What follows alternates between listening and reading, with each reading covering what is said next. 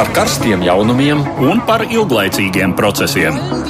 Par idejām, par cilvēkiem, par naudu un par laiku. Par abām mūsu planētas puslodēm, un lietojot abas smadzeņu puslodes. Ēterā raidījums divas puslodes. Mēs tiekamies atkal ikdienas raidījumā divas puslodes, kad lūkojam, kas jauns ir noticis citās pasaules valstīs.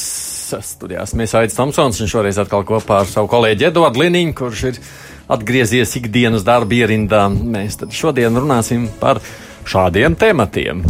Paldies, Aidi. Runāsim pirmkārt, pat, pateicu Aidim paldies par mikrofonu, kurai aizmirsu sev piebīdīt. Tātad pirmkārt runāsim par Ukrainu, kur pirmdien amatā stājās jaunais prezidents Volodimirs Zelenskis.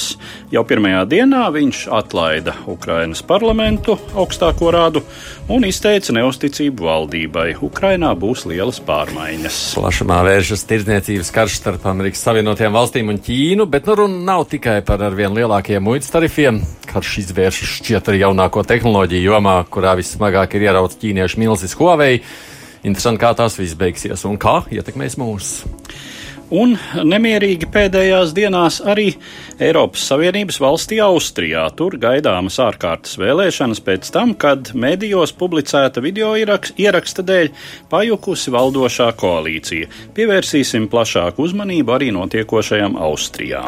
Klausītāji, kas lieto Twitter, ir lūgt tuvākajās minūtēs atbildēt jautājumu par Huawei, vai jūsuprāt šī kompānija rada drošības draudus ASV un Eiropas Savienībai. Šo jautājumu varat redzēt Latvijas radio viens kontā, tātad Twitterī Latvijas radio viens. Nu, protams, gaidām arī komentārus mūsu mājaslapā.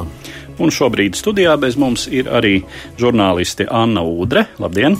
Labdien. Un Aivars Ozoliņš. Labdien! Un sāksim mēs raidījumu kā parasti ar dažām citām ziņām īsumā.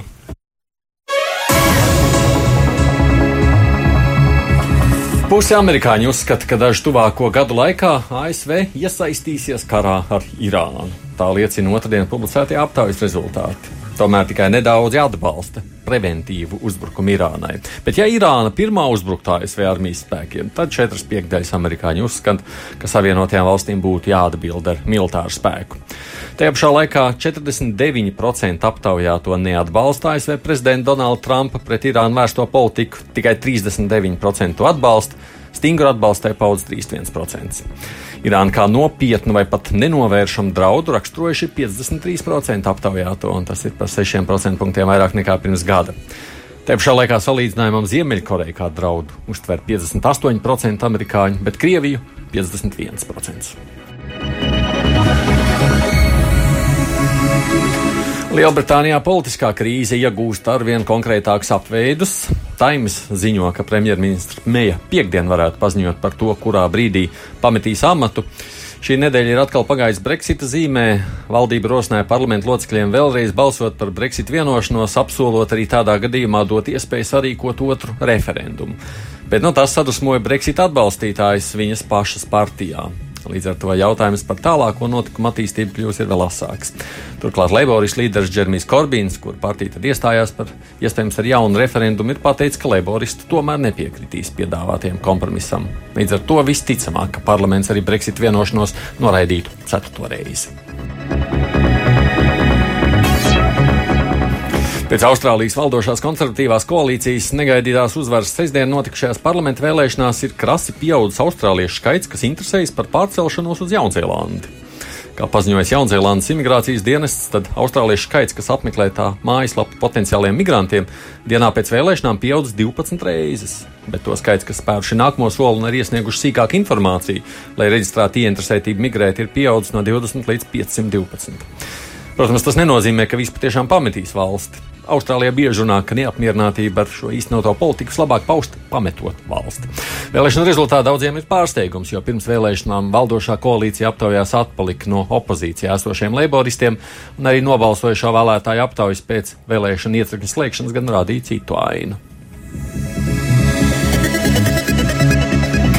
Ekvadora domājams atļaus ASV amatpersonām savākt mantas, ko pēc izlikšanas no vēstniecības tur atstājis ir tīmekļa projekta Wikileaks dibinātājs Julians Assange. Tas Assange un viņa advokāti nebūs klāt šajā pretlikumīgajā konfiscēšanā, tā paziņoja Wikileaks.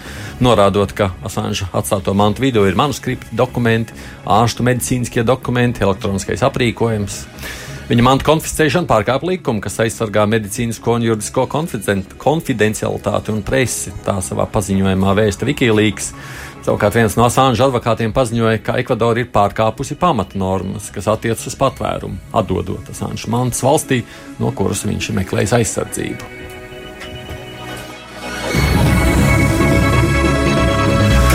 Man vēl rūpējas par vidi un cīņā pret globālo sasilšanu rasts viens pavisam savdabīgs vēl instruments. Vašingtonas štats otrdien kļuva par pirmo ASV štatu, kas ir legalizējis cilvēku mirstīgo atlieku kompostēšanu. Tas noticis pēc tam, kad vidē draudzīgais štata gubernators Džejs Inslī parakstīja likumu, lai samazinātu oglekļa emisijas, ko rada apbedīšanas un kremācijas. Saskaņā ar to cilvēkiem, kas nomirst šajā statā, būs iespēja izvēlēties, vai viņi piekrīt savu mirstīgo atlieku pārveidošanai kompostā. Pieeja, kas ir izstrādāta sadarbībā ar Vašingtonas štatu universitāti, paredz ievietot nelaiķi sešstūrainā tērauda konteinerā, kas piepildīts ar šķeldu, lucernu un salmiem. Konteiners pēc tam tiek aizvērts un mikrobi 30 dienu laikā pārvērš mirstīgās atliekas kompostā. Ties, ko ar to pēc tam darīt? Diez vai cilvēki savu tuvinieku atliekas gribēs izmantot redīs audzēšanai, kaut gan, nu, kas zina. Bet nu pievēršamies sākumā minētajiem tematiem un sākam vispirms ar notiekošo Ukrainā. Volodimirs Zeļenskis 21. aprīlī ar rekordlielu elektorātu atbalstu ievēlētais Ukrainas prezidents 20. maijā oficiāli stājās augstajā amatā. Dodoties uz inaugurācijas ceremoniju Ukrainas augstākajā radā, jaunievēlētais valsts galva pa lielu ceļa gabalu veica kājām sportiskā solī, daudzkārt sarokodamies un pat fotografēdamies ar ielas malā sanākušajiem. Pēc oficiālās zvērsta nodošanas un prezidenta regāliju saņemšanas ceremonijas sakoja jaunā valsts galvas pirmā uzruna. Visnotaļ paredzama, ievērojot prezidenta Zeļenska līdzinējo tautas kalpa renomē. Pēc aicinājumiem nācijai vienoties grūtību pārvarēšanai un ambicioziem mērķiem, pēc apsolījumiem darīt visu, lai izbeigtu karu un atgūtu Krievijas sagrābtās teritorijas, sakoja asas uzbrukums esošajai politiskai konjunktūrai. Runas finālā izskanēja aicinājums parlamentam pieņemt vairākus likumus, tā skaitā atcelt deputātu imunitāti un atlaist nomatiem gluži konkrēti valsts drošības dienesta priekšsēdētāju, ģenerālu prokuroru un aizsardzības ministru. Jums būs divi mēneši. Pieņemiet šos svarīgos likumus un lēmumus. Piekariniet sev visas medaļas, nopelniet labus punktus ārkārtas parlamentu vēlēšanām. Es atlaižu 8. sasaukuma Ukraiņas augstāko radu. Slava Ukrainai! Savu runu noslēdza Volodimirs Zeļenskis. Kādi kopā ar mums ir arī Anna Udra un Aivars Ozoliņš. Par ko jūs prāt liecina šī Zeļenska? Es nezinu, straujā rīcība un tā uzreiz visu atlaišana. Mm. Nu, manuprāt, Zaļenskis jau savā kampaņas laikā parādīja to, ka viņš prezentē kaut kādā ziņā jauno paudzi, viņš prezentē pārmaiņas un viņam ir konkrētas reformas prātā, kur, kur galvenais ir nodrošināt mieru Ukrainā, pārtraukt, pārtraukt kara darbību.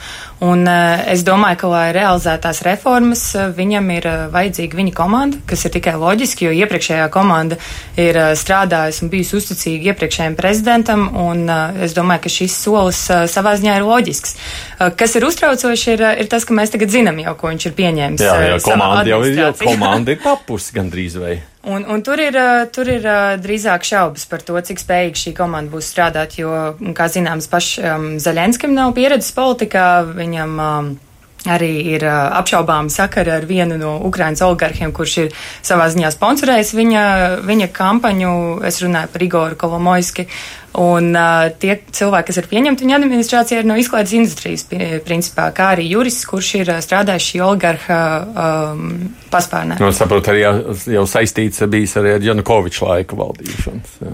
jā, teorētiski šim cilvēkam nevajadzētu strādāt šajā administrācijā, tādēļ, ka viņš ir strādājis, kā jau jūs minējāt, Janukoviču laikā, tomēr, kā pats šis jurists norāda, viņam ir visas likumiskās un morālās tiesības to darīt. Manuprāt, tas īsti nav pareizi un, un tas met tādu šaubu ēnu uz, uz jaunievēlēto Ukrainas prezidentu. Un klausoties tagad Annas sacītā, es domāju, tā, ka mums bija pirms vēlēšanām, mēs runājam, ko var sagaidīt no Zaļenska, mums bija vat, tā pa kalniem un pa lejām. Un izklausījās tie atbildēt tieši tādā pašā veidā. Aivar, ko tu saki? Es domāju, ka Zaļenskis pats nevar, nezinu vēl, ko no, ko viņš, var, ko no, ko no viņa var sagaidīt. Tieši tā.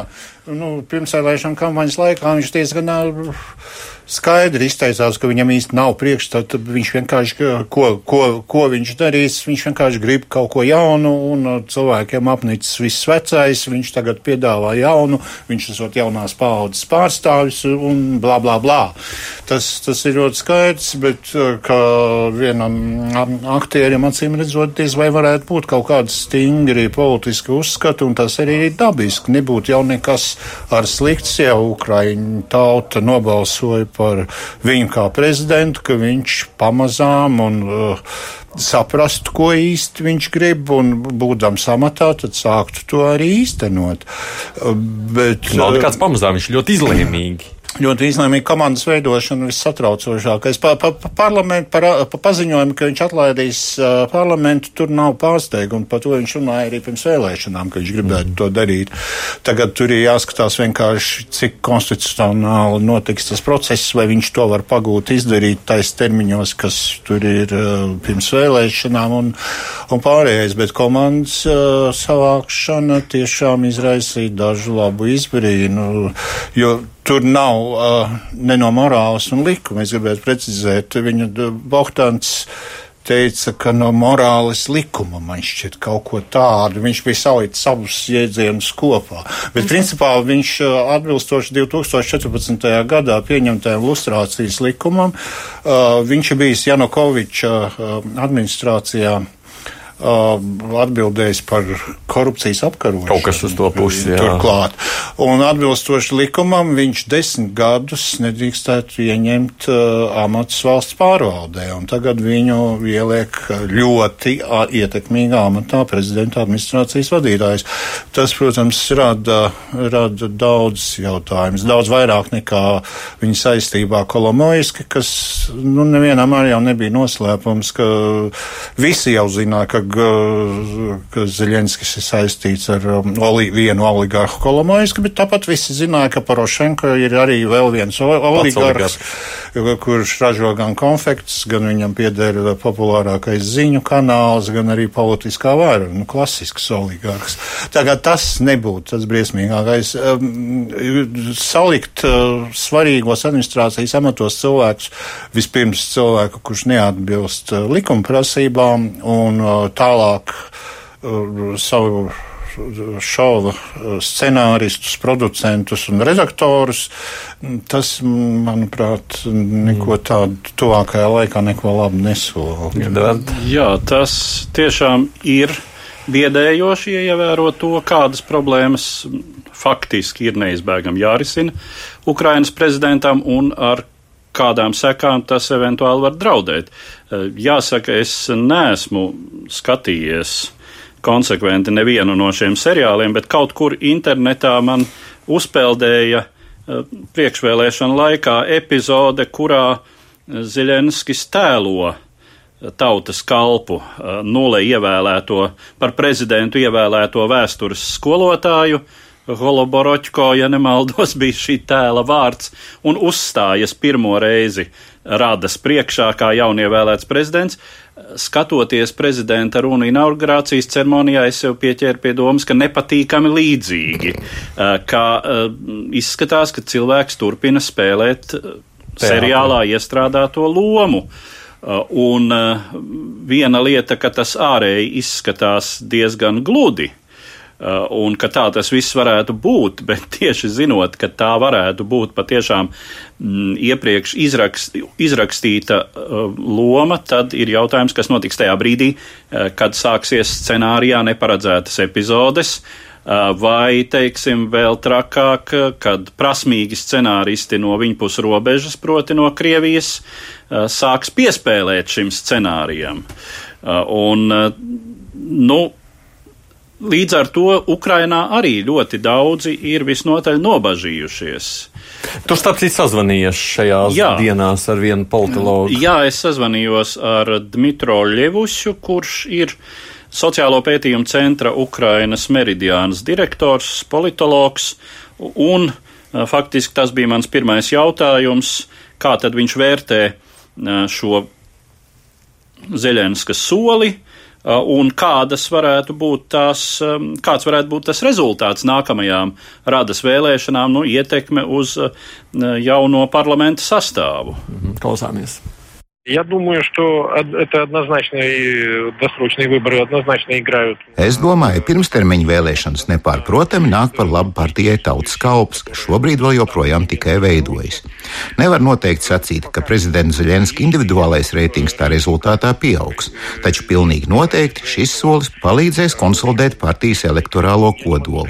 Ne jau visi tie 73%, kas par viņu nobalsoja, ir nepārprotami viņa vēlētāji. Tādu ir kādi 30 līdz 40%, ko skaidri rāda pašreizējie socioloģiskie pētījumi. Es domāju, šajās robežās arī būs Zaļenska partijas daļa augstākās radas sastāvā. Šie procenti neizbēgami būtu mazinājušies, kad prezidents Zaļenskis uzsāka tiešo valsts vadīšanu. Ukraiņas sabiedrībai tas ir neizbēgami. Visi mūsu prezidenti ļoti ātri zaudē popularitāti. Es nedomāju, ka līdz oktobrim tas būtu katastrofāli, bet pietiekami jūtami. Kas attiecas uz nākamās augstākās politiskās radas konfigurācija, ir liela iespējamība, ka nākamā koalīcija veidosies no partijas Tautas kalps un Jūlijas Timošenko partijas Baļķivšķina tēvī. Ir jau noteikti zīmes, kas rāda, ka sarunas šajā virzienā jau tiek vestas. Tēvī ir gatava vēlēšanām, ir mobilizēts elektorāts. Tā ir tradicionāla partija ar atbalstītāju tīklu visā Ukrainā. Tātad, ja viss notiks tā, kā to plāno Zeļenskis un viņa aprindas, vairākuma koalīcija parlamentā izskatīsies tieši tāda таких условиях, если все будет проходить, как планирует Зеленский и его окружение, будет именно выглядеть именно так. Spriežot pēc pašreizējiem jaunievēlētā prezidenta izteikumiem un žestiem, kādas ir prognozes Krievijas agresijas sakarā, kā Zeļenskis var, ja vispār var mainīt šī procesa virzību? Оценки есть разные. Ну, во-первых, Ir dažādi vērtējumi. Pirmkārt, no paša Zeļenska nav izskanējis nekas vairāk kā tas, kas tika pateikts inaugurācijas runā. Proti, ne mēs šo karu uzsākām, bet mums to būs pabeigt. Pie tam no zāles izskanēja sauciens - pabeigt ar uzvaru, kuru viņš vai nu nesadzirdēja, vai arī neatbalstīja. Pēc tam bija jau faktiski ieceltā prezidenta administrācijas vadītāja, oligarham Kolomoiskim tuvā jurista Andreja Bogdana izteikumu par iespējamo referendumu un mājienu par iespējamām tiešām sarunām ar teroristiem no Doņetskas un Luganskas tautas republikām. Kopumā pagaidām ir vēl mazliet par agru spriest, kaut gan kopumā tās tendences, kas iezīmējas ar prezidentu saistītajās aprindās, ir diezgan satraucošas достаточно э, тревожные вот из, из некоторых вот из кругов, э, которые окружают президента. Tā tad ir bažas, ka varētu būt piekāpšanās Kremlim, mēģinājums ietirgot mieru apmaiņā pret, teiksim, attieksmes maiņu Krimas statusa sakarā vai tam līdzīgi. Да, я думаю, что приблизительно так и есть. То есть мы... Es domāju, ka apmēram tā arī ir, bet šai ziņā pozitīvs, lai cik dīvaini tas nebūtu, ir pilnīgs elastības trūkums no Kremļa puses. Neskatoties ne uz ko, Kremļa darboņu retorikā turpina skanēt vērtējumu Zeļenskim kā nacionālistam, kurš turpina prezidenta Porošenko politiku. Joprojām ir pilnīgs gatavības trūkums vispār apspriest Krimas jautājumu. Krimas aneksijas atzīšana ir Krievijas noteikums jebkādām sarunām. Šis moments sašaurina manevru iespējas jebkuriem prokrieviski noskaņotiem politiskiem spēkiem Ukrainā.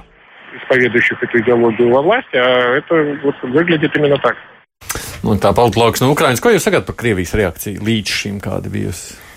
Es domāju, ka tur uh, pareizi, pareizi arī tajā sarunā parādījās, ka Krievija vēl joprojām Zaļensku uzskata par nacionālistu, un to mēs arī šo, šonedēļ dzirdējām.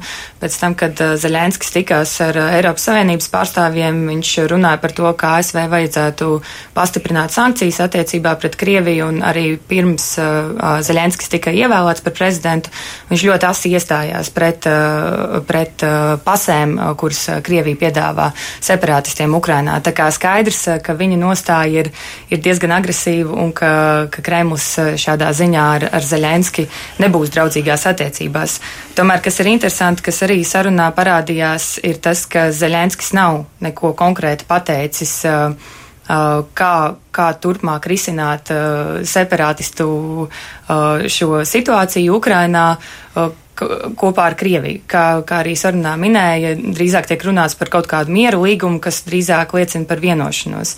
Nevis par uh, iestāšanos par to, ka tā ir tiešām Ukrainas teritorija. Jā, tik, tik, tik pat liela neskaidrība. Nu, jā, jā, jā, runa ir par to, ka no vienas puses, ja mēs skatāmies, kas ir noticis šais dienās, inaugurācijas dienā un tūlīt pēc tam, Krievija uzvedas eh, attieksmē pret Ukrainu un tās jaunievēlēto prezidentu kā pret, eh, nu, faktiski naidīgu valsti vai būtībā ar valsti, ar valsti, ar kuru mēs esam karastāvoklī, respektīvi Krieviju. Nu, neapsveikt jaunievēlētu prezidentu, tas ir eh, būtībā žests, mhm. kas ir, kas ir nu, pieņemams starp valstīm, kuras, kurām nav diplomātisku attiecību. Nu, Krievijai tomēr diplomātiskās attiecības ar Ukrainu par spīti visam ir. Un nu, no otras puses, cik es saprotu, arī Krievijai tās pārstāvjiem netika sūtīts nekāds ielūgums uz šo inaugurācijas ceremoniju. Tā kā šeit tiek ieturēta ledus salta ledus salds attiecību līmenis. Nu, Kā jau šeit izskan, tad galvenās bažas faktiski var saprast, ka Ukrainas sabiedrībā tie, kuri, teiksim, ir konsekventi atbalstījuši prezidentu Porošenko un uh, baidās no tā, ko Zeļenskis varētu izdarīt, nu, viņi tver katru momentu.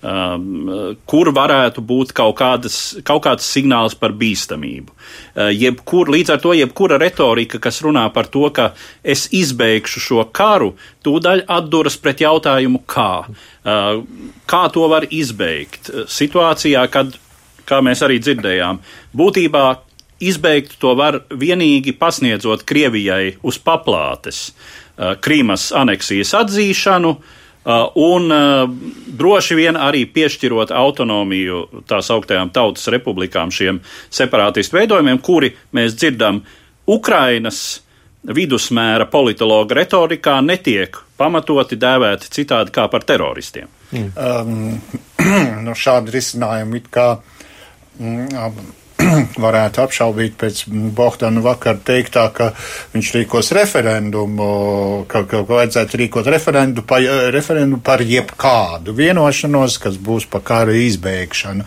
Es baidos, ka tur tad nesanāktu Krīmu atdot uz paplātes, diez vai tas, diez vai tas būtu risinājums, bet no otras puses šis paziņojums uh, par referendumu par starptautisku līgumu, kas iespējamo par karu un mieru turklāt, ir nu, vienkārši apbrīnojams populismu paraugs, kas vienkārši, tad, ja, ja tas būtu mērķis, tad, tad tas līgums būtu jāveido tā, lai, lai tas ir populārs, nevis lai tas patieši, patiesībā izbeidz karu. Es, es nezinu, tur ir, tur, ir, tur ir diezgan grūti prognozēt, kā, kā tas viss attīstīsies attiecībās ar Krieviju, bet pagaidām tiešām es piekrītu jūsu sazvanītajam sociologam, ka Krievija palīdz Zeļenskim, protams, pagaidām.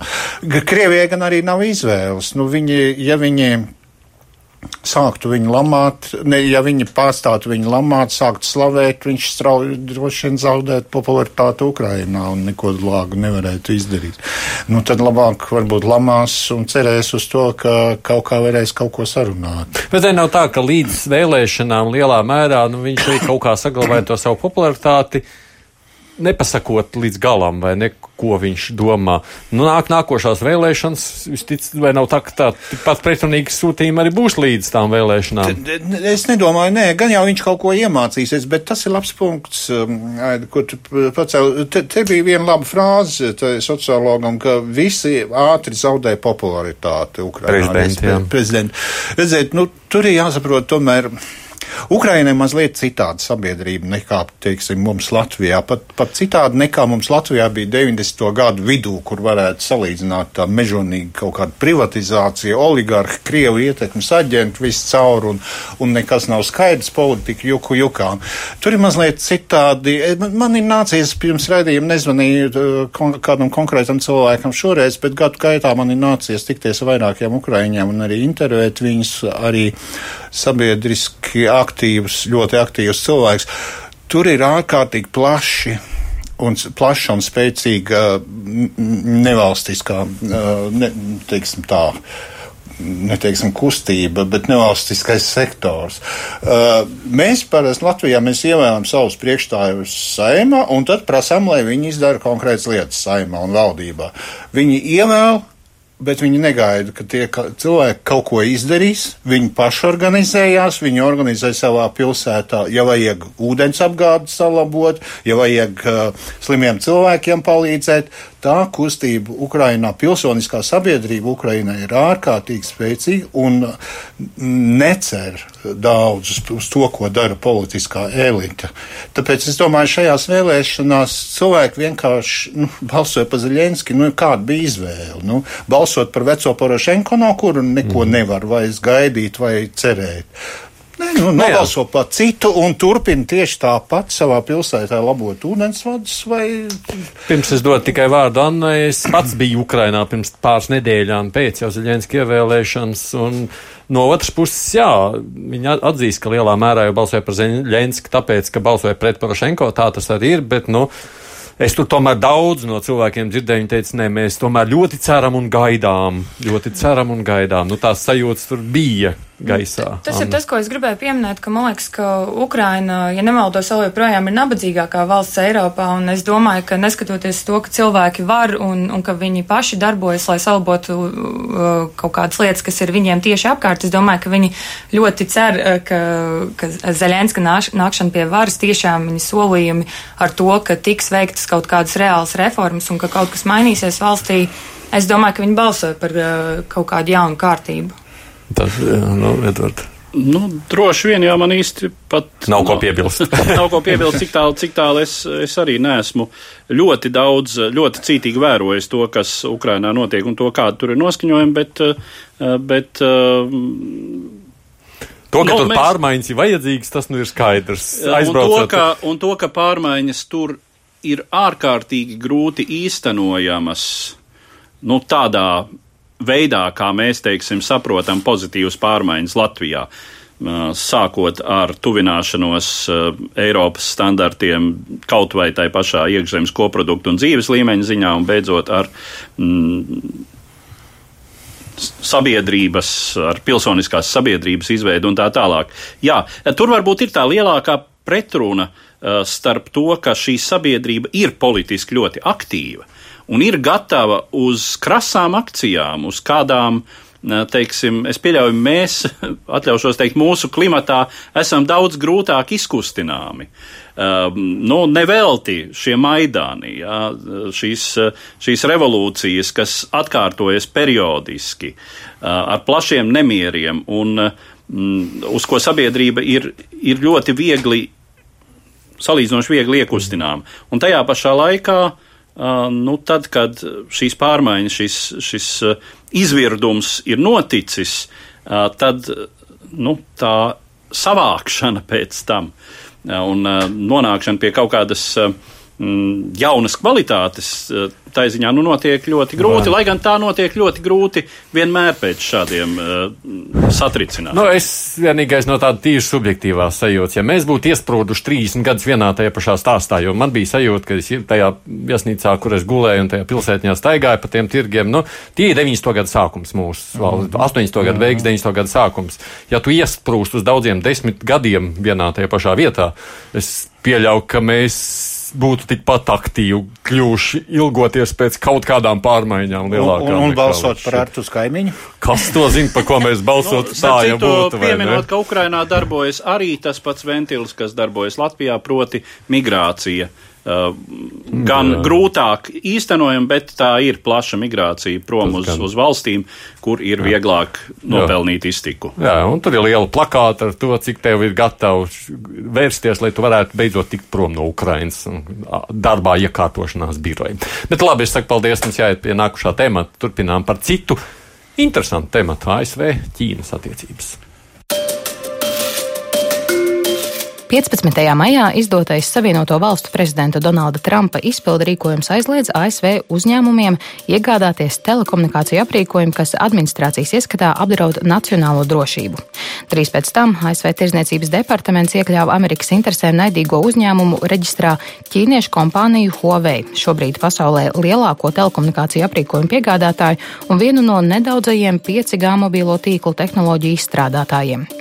Tik radikāls solis pārsteidzis daudzus novērotājus, kaut signāli par kompānijas radītajiem draudiem Savienoto valstu drošībai parādījušies salīdzinoši sen. Jau 2012. gadā ASV kongresa pastāvīgā apakškomiteja izlūkošanas jautājumos publisko ziņojumu, kas apsūdzēja Huawei, kā arī vēl vienu ķīniešu kompāniju ZTE darbībā Ķīnas valdības interesēs, kas potenciāli var apdraudēt Savienoto valstu drošību. Tāpat kompānija tiek vainota Irānai noteikto amerikāņu sankciju apiešanā un kompānijas T-Mobile intelektuālā īpašuma zādzībā. Huawei konsekventi noliegusi visas apsūdzības. Kā pati kompānija, tā Ķīnas valdība uzstāja, ka Savienoto valstu administrācijas akcijas ir daļa no tirzniecības kara starp divām ekonomiskajām superlielvalstīm un mēģinājums ar politiskiem līdzekļiem ierobežot šobrīd vadošo 5G tehnoloģijas attīstītāju. Pirmdien ASV Tirzniecības departaments publiskoja lēmumu par pagaidu sankciju mīkstināšanu, kas ļaus vēl trīs mēnešus piegādāt Huawei mobiliem tālruņiem Android programmatūras atjauninājumus un pagaidām izmantot ķīniešu kompānijas aprīkojumu amerikāņu sakaru uzņēmumiem, kuriem citādi iespējams nāktos pārtraukt darbību.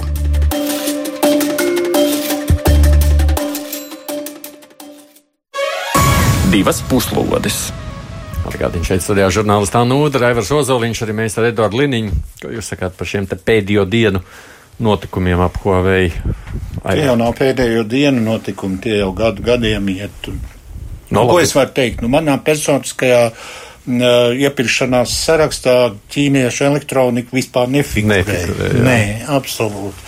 Tās tā ir autoritāra valsts, kur centralizēti koordinē jebkuru kaut cik nopietnu biznesu, un galvenie biznesa koordinētāji ir drošības dienesti. Un, Pat ja 99% gadījumu viņi neizmantot teiks, to kaut kādai spiegošanai vai diversijām, tas nenozīmē, ka nerastos 1% iespējas, ka viņam tas būtu jādara. Un tad, kā jau drošības eksperti par to ir teikuši daudz, lai cik nevainīgi izskatītos tā tehnoloģija, tā ir viena atjauninājuma attālumā no ieroča. Mums te klausītājiem jautājumu šo jautājumu, vai atcerieties, ka es pieteicu sākumā nepilni 50, ir atbildējuši šobrīd, vai viņuprāt tas rada drošības draudz Eiropas Savienībai vai Amerikai. Nu, 53% mazliet vairāk pat pusi saka jā ka rada līdzīgi bažās. No 31% atzīst, ka viņi nezina vienkārši. Tā arī nesaka tikai 16%. Nu, nu, tiem, kas nezina, varētu uzdot, piemēram, jautājumu, vai Gazprom ir neatkarīga Krievijas kom gāzes kompānija, vai Rosneft ir neatkarīga Krievijas naftas kompānija, vai to Krievija var izmantot vai nevar izmantot kā ieroci.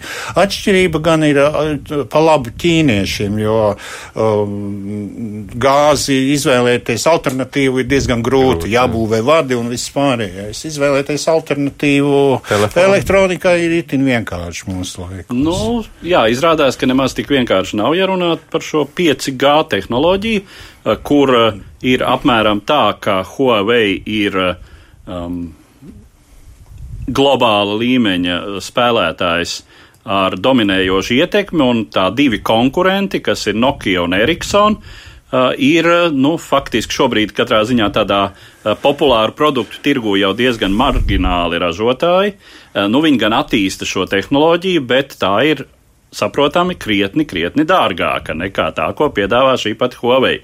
Un līdz ar to Protams, Amerikā Huawei līdz šim nav ticis laists tuvu stratēģi, jo jau, jau līdz šim brīdim nav jā, jā. ticis laists tuvu strateģiski nozīmīgām komunikācijām, bet kaut kur, nu, kā tas tiek rakstīts, tātad lauku rajonos nelielas telekomunikāciju firmas eh, izmanto eh, šo Huawei ražoto tehnoloģiju un arī aprīkojumu, un tur, tur tās problēmas varētu būt, ka viņiem tas ne Nokia, ne Ericsson izstrādājums nav pa kabatai.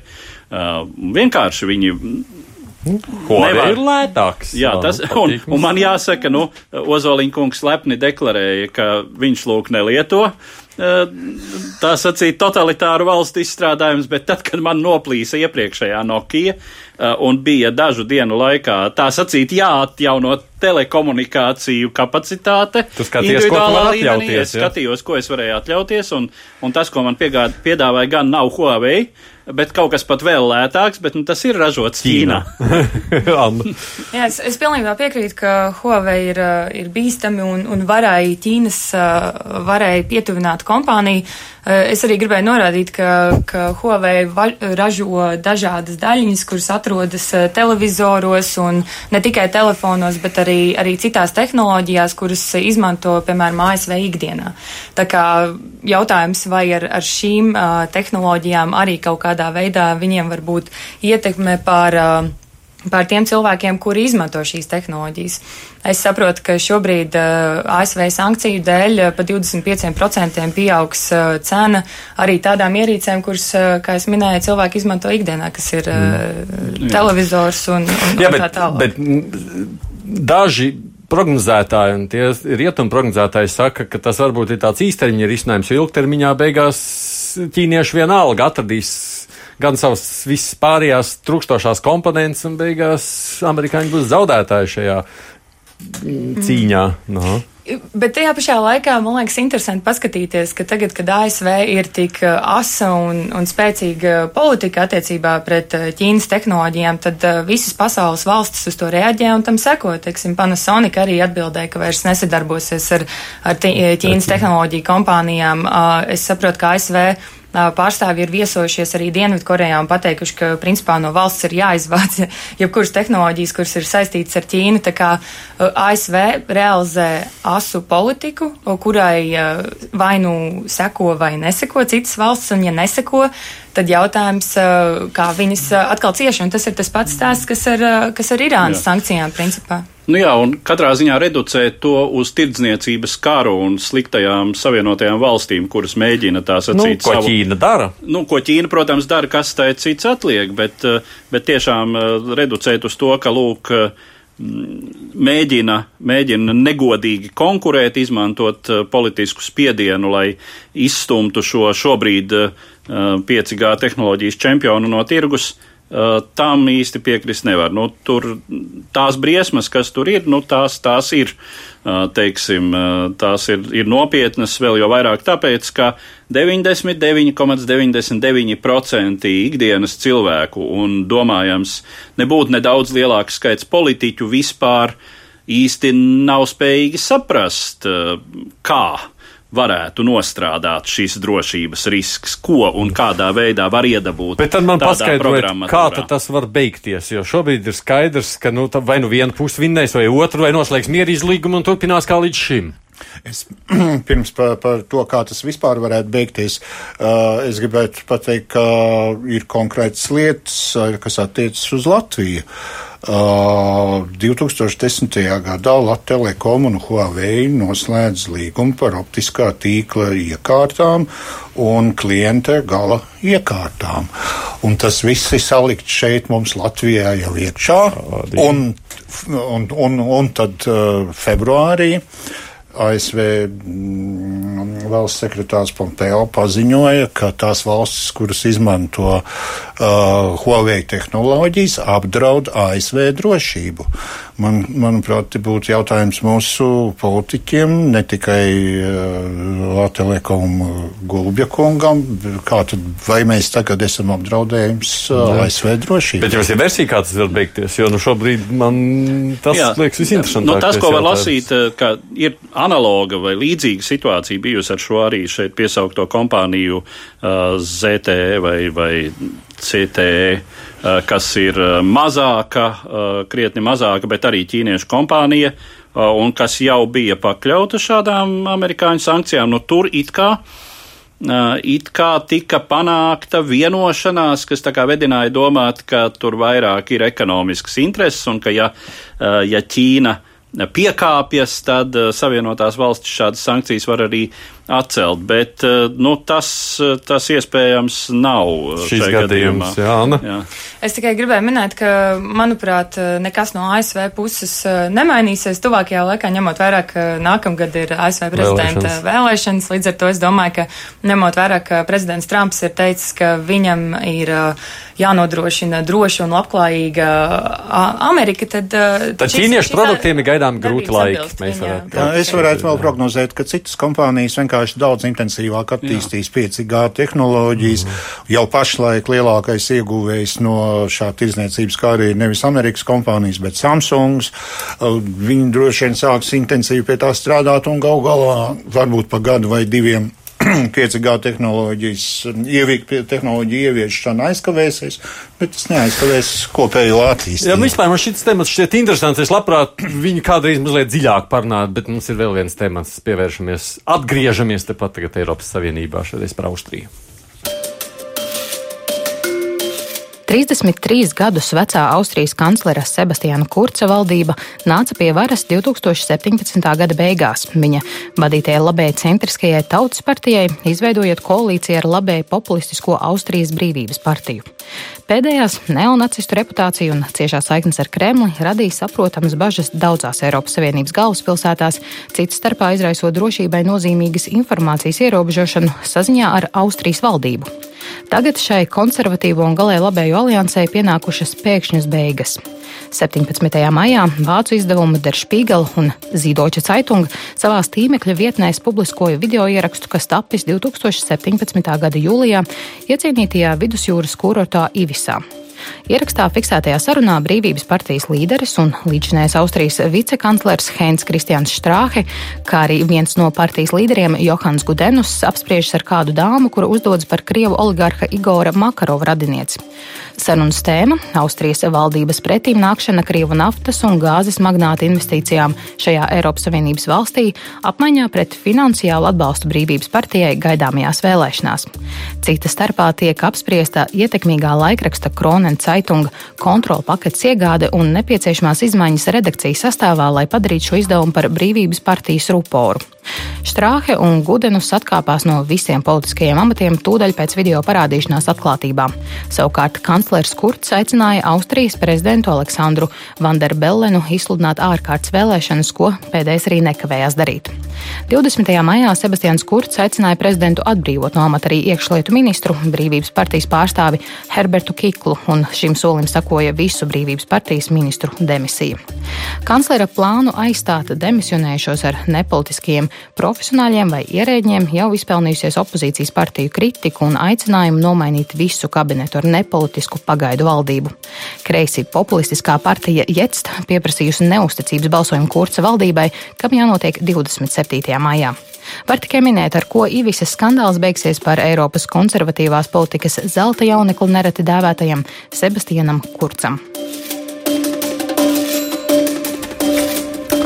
Un tad jautājums ir, ar ko tad jūs par tas beigsies kurcam? Nu, kurcam, es domāju, arī tas beigsies ar diezgan uh, pamatīgu robu uh, viņa politiskajā reputācijā. Um, nu, kāpēc viņš jau ir kā pret cīnījies? Nu, viņš, viņš it kā ir pareizi, viņš ir pareizi reaģējis šai krīzes situācijā. No. Pareizi un adekvāti. Teiksim, atšķirībā no, šī, no šā un tā, ko mēs esam raduši redzēt mūsu politiskajā kultūrā, nu, kurds reakcija bija Jā. tūdaļ arī prasīt, aicināt prezidentu izsludināt ārkārtas vēlēšanas. Bet mm, Nu, te ir faktiski jāsaprot, ka tās emocijas un tas politiskais noskaņojums, kas ir nesis uh, pēdējo gadu panākumus gan Kurcam, bet jo sevišķi šai Austrijas brīvības partijai, kas tagad ir, piedodiet par izteicienu, smagi apšmucējusies, uh, tas jau nekur īsti nav pazudis. Austrija piedzīvoja neizbēgami bēgļu, bēgļu vilni šīs krīzes laikā. Um, Tātad Austrijas brīvības partija ļoti lielā mērā profitē no šī noskaņojuma. Šis noskaņojums nav līdz galam izdzīvots Austrijā. Uh, tā kā visdrīzāk tā nebūs šī partija, uh, kurai tās vēlētāji nevarēs piedot, uh, tā skaitā nu, tādu izgāšanos tīri no uh, teiksim, politiskās konspirācijas viedokļa. Jā. Nu, viņi ir, viņi ir, viņi ir pierādījuši sevi kā muļas un, un, un neprašas un, un vispār nu, dīvainas cilvēciņas. Ja. Tā būs kurca partija? Nu, daļa vēlētāju varētu, varētu pārceļot pie šīs salīdzinoši mērenākās tātad, tautas partijas, bet visdrīzāk atradīsies citi, nu, tur jau faktiski ir Austrijas politiskajā spektrā, mazākas, marginālākas šīs ultraradikālās partijas. Uh, Nu, tad tas, tas, mm. tas, teiksim, domāt, ka tā būs spīdoša sociāldemokrātu un, un varbūt zaļo uzvara nākamajās vēlēšanās arī īsti nenākas. Nu, jā, Anna. Es uh, gribētu piebilst, ka man liekas, ka šis uh, gadījums ir pietiekami skaļš, lai sabiedrības viedoklis pret uh, tādiem galēji labējiem spēkiem mainītos kopumā. Jo, manuprāt, tas video perfekti parāda to, kā šīs partijas iekšēji organizējas, kam viņas ir gatavas um, dot savus solījumus. Nu, ne jau pirmo reizi spriežot, tas pat nav tā Austrijā, tas jau tā ir līdzīgi, kur mēs Francija vai ne aizdomas. Tieši tā, un es domāju, ka tas diskreditē tādas partijas kopumā un parāda tieši no kurienes nāk finansējums šādām partijām. Kas man liekas interesanti, ka Austrijā jau ir sākusies tāda pretreakcija, protams, šī gadījuma sakarā, un šobrīd iTunes uh, pirmā, pirmā vispopulārākā dziesma ir Venga Boys We're Going to Ibiza, uh, ja mēs dodamies uz Ibiza. Šobrīd ar šīs dziesmas saukļiem cilvēki jau pulcējas ielās un, uh, un iestājas uh, pret, uh, pret šādiem spēkiem. Mm. Ajor. Domāju, ka lielākā mācība no, no šā skandāla ir ka tādas partijas vispār nevajag ņemt valdībā, vai tas būtu Austrijā vai Latvijā vai, vai jebkur. Bet uh, patiesībā veids, kā kārtot tās lietas, mums te Latvijā nevarētu būt nekāds izbīns. Mēs esam lasījuši oligarhu sarunas. Mums jau apmēram tāpat vai vēl rupjāk eh, tās lietas te notika. Nu, ar to starpību, ka tie vairs nebija īsti varā. Ar to starpību, ka šajā gadījumā tas bija tomēr slasts un inscenējums, e, kur noķēra šos politiķus, bet mums tās sarunas bija reālas un darījumi, kuri, kurus viņi kārtoja, bija reāli. Bet, diemžēl, es neesmu tik optimistisks, ka tas, teiksim, mazinās šādu partiju nākšanu pie varas, jo, piemēram, Ungārija ir viena vienīga šāda saruna, nemitīga un pastāvīga. Tur viss un, notiek un, un tikai notiek, tā. Tur neviens neraizējas. Un, un, un minētajā, minētajā video ierakstā notiek jūsmošana. Tāpat kā, tāpat kā mūsu zināmajās oligarhu sarunās par to, ka sakārtosim tur uh, sabiedriskos mēdīs tā un šitā, tad tur notiek jūsmošana par to, uh, kā Orbāns ir spējis to visu izdarīt. Es domāju, ka nevis neraizējas, es domāju, ka Ungārija ļoti daudz par to raizējas, bet vienkārši ir redziet, nu, šiem partijām galvenais ir, lai kādi viņiem tur būtu saukļi, jo, ja mēs atceramies, Orbānam arī visādi bija, viņš no liberāļa līdz, līdz nacionālistam tur nonāca un tā tālāk. Lai kādi šīm partijām būtu saukļi, mērķis jau tikai viens - vara, nauda un pilnīga kontrole, jo, jo demokrātiskās vēlēšanās viņi ilgstoši nevar būt pie varas. Tas nozīmē, līdz ko viņi ir pie varas, viņi noslēdz darījumus, privatizē mēdījus, kontrolē jebko. Mm. Tiesas, ekonomiku. Mēdī un tiesas pirmais, ko, pret ko vēršas. Tas pats notiek arī Jā, Polijā. Tā tad, tā tad nepieciešama, nepieciešama komponente tai visā ir pietiekami lielā sabiedrības daļā radīt izjūtu, ka šī partija, šis politiskais spēks ir tavs, nu, teiksim tā, tēvs un aizstāvis. Un, un kā aiz viņa platās muguras, tu vari justies aizvējā no uh, no liberāstiem, no nevēlamām lietām, kas tev ir jārunā ar saviem bērniem, no migrantiem, protams, no, no visa, visa, visa. Ja. Nu, un, un ja, tas iz, ja tas izdodas, nu, tad, tad var uz kādu laiku, protams, stabilizēt situāciju tā, kā tas šobrīd ir Ungārijā. Bet, tomēr tas jautājums ir premjeram Kurcam, ko tas beigās maksās jūsu versija? Neko? Es domāju, ka šobrīd uh, pret viņu arī ir vērsušies. Uh, viņš šobrīd, cik es saprotu, ir pateicis, ka ministru vietā liks uh, ekspertus jā, un, tur, un pārstāvjus no birokrātijas, bet, uh, bet es saprotu, ka arī varētu būt viņam uzticības balsojums un ka arī viņš varētu zaudēt uh, savu. Uh, nu, un savu vēlēšanas, un vēlēšanas, un tālāk, ko vēlētāji. Nu, es nezinu. nezinu jā. nu, nē, nu, es, es teiksim, prognozēju, ka visdrīzāk Austrija tomēr atgriezīsies pie savas tradicionālās koalīcijas, kas ir šī sociāldemokrāta un tautas partijas koalīcija, ka, nu, teiksim, kurcam gan vēlētāji, gan arī viņa politiskie, uh, politiskie partneri, nu, ja ne viņam tieši, nu, ļoti iespējams, ka viņš nebūs eh, vicekants, pat vicekanclers, un varbūt pat ne ministrs. Tu tā domā? Ka viņam, ka viņam nāksies atkāpties drusku uh, politikas ēnā un pagaidīt kādus gadiņus, bet viņam to gadiņu ir gana maz, lai viņš varētu atļauties vēl kādu ciklu pēc, nu, nu, pēc kāda ir, laika. Jā. Nu, tā lieta, ka nu, atgriežamies pie tā paša, ka šī ir laba mācība, ka šādas partijas vispār nedrīkst laist pie vārdas. Nedrīkst ņemt valdībā partijas, kuras ārlietu ministri dejo ar Putinu un, un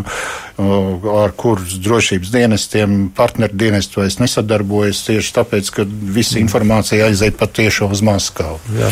Tāpēc es arī sākumā teicu, es gribētu cerēt, ka šis ir pietiekami skaļš eh, skandāls, lai cilvēki noskatītos, izlasītu, redzētu, analizētu, un man liekas, ka arvien vairāk eh, tieši šādu gadījumu dēļ eh, kritiskā domāšana, es tā gribētu cerēt. Uh, uh, nu, es saprotu, starp cerībām un realitāti. Nē, nu, jā, jums...